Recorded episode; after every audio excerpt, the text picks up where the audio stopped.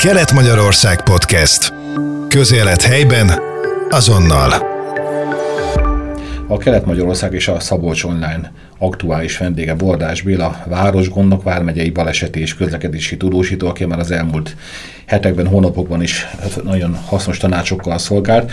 Ezúttal a téma az, hogy továbbra is gőzelővel dolgozik az útmenti területek kaszálásán a Magyar Közút, fokozott figyelmet kérnek a munkagépek környezetében. Mi ennek a jelentősége? Hát ez nagyon fontos, köszöntöm a kedves érdeklődőket. Hát először is ugye munkagépek. Mondok egy igen kézzelfogható dolgot, amit a munkagép vezetők kérnek tőlem, a Nyíregyházi üzemmérnökségnek a fűkasza kezelő gépeit, akik vezetik.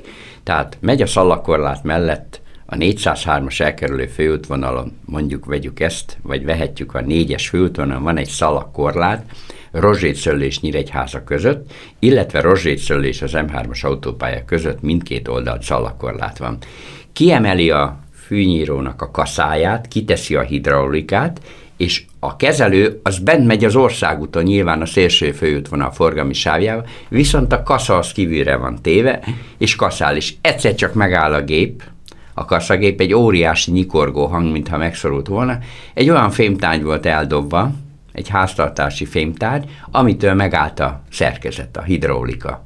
Ezt alig lehetett kiszedni. Jó, megoldja a kezelője, egy kis várakozással megy tovább, egy hatalmas nagy befőtös üveg volt kihajítva valami gépkocsiból, a szerte széjjel vágta, de viszont a kések nyilván tompábbak lesznek, mert egy olyan tárgyba ütközött bele, amire nem számított a gépkezelő, hogy az útszéli szemét között van háztartási fémtárgy, hagyd nem mondjam, hogy hány ö, messzes vödröt, festékes vödröt dobálnak ki a gépkocsi ablakából keresztül, vagy illegális szemétlarakásnál kidobálnak, viszont ott megy a fűkassa. Most á, szálljon ki a gépkezelő, és ezeket szedje össze, de nem lát ki, nem is tud kiszállni, mert halad a gép folyamatosan, a másik nem is látja, mert 40 centis a fű, amit kaszál, vagy 20 centis, és abban van magyarul teljes mértékben ez a nem odavaló tárgy, ami ki lett dobva valamiből, tehát így szabadulnak meg egyesek gépkocsiból a menet közben, hogy kidobálnak mindent az ablakon,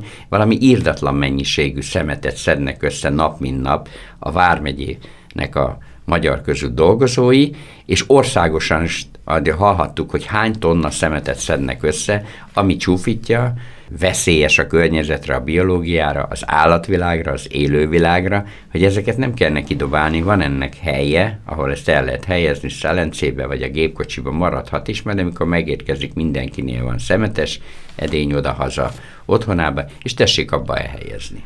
Igen, hát hogy lehet az egészet megelőzni, talán az lenne a legjobb válasz, hogy a fejbe kellene rendet tenni először. Pontosan. Én nagyon haragszok, mikor egy csiket is valaki kidob, például Nyíregyházan pirosnál várakozik a lámpánál, és egyszerűen hanyagú kidobja a gépkocsi ablakán kereszt a csiket. Hát ez egy felháborítónak tartom, mert egy csik, két csik, száz csik, ezer csik meg kell nézni a sávokba, az Rin utcai sávháznál, mikor balra kanyarodunk, lehúzott ablaknál kipillantunk, vagy az üvegen keresztül, hogy a csikek tömkelegét látjuk. Jó, a fűnyíró, a fűgép össze fogja szedni, mert ugye gyűjti a fűnyíró, tele van szeméttel, és ezt kérik tőlem nap, mint nap az ilyen munkagép kezelők, vezetők, hogy hát ezt miért nem mondjuk, miért nem hívjuk fel a figyelmet, hogy nehezítik a dolgát, nehezítik az ő dolgokat, mert olyan tárgyak vannak eldobálva, ami sokszor veszélyt jelent nem csak a szerkezetre, a gépre, hanem még emberre is.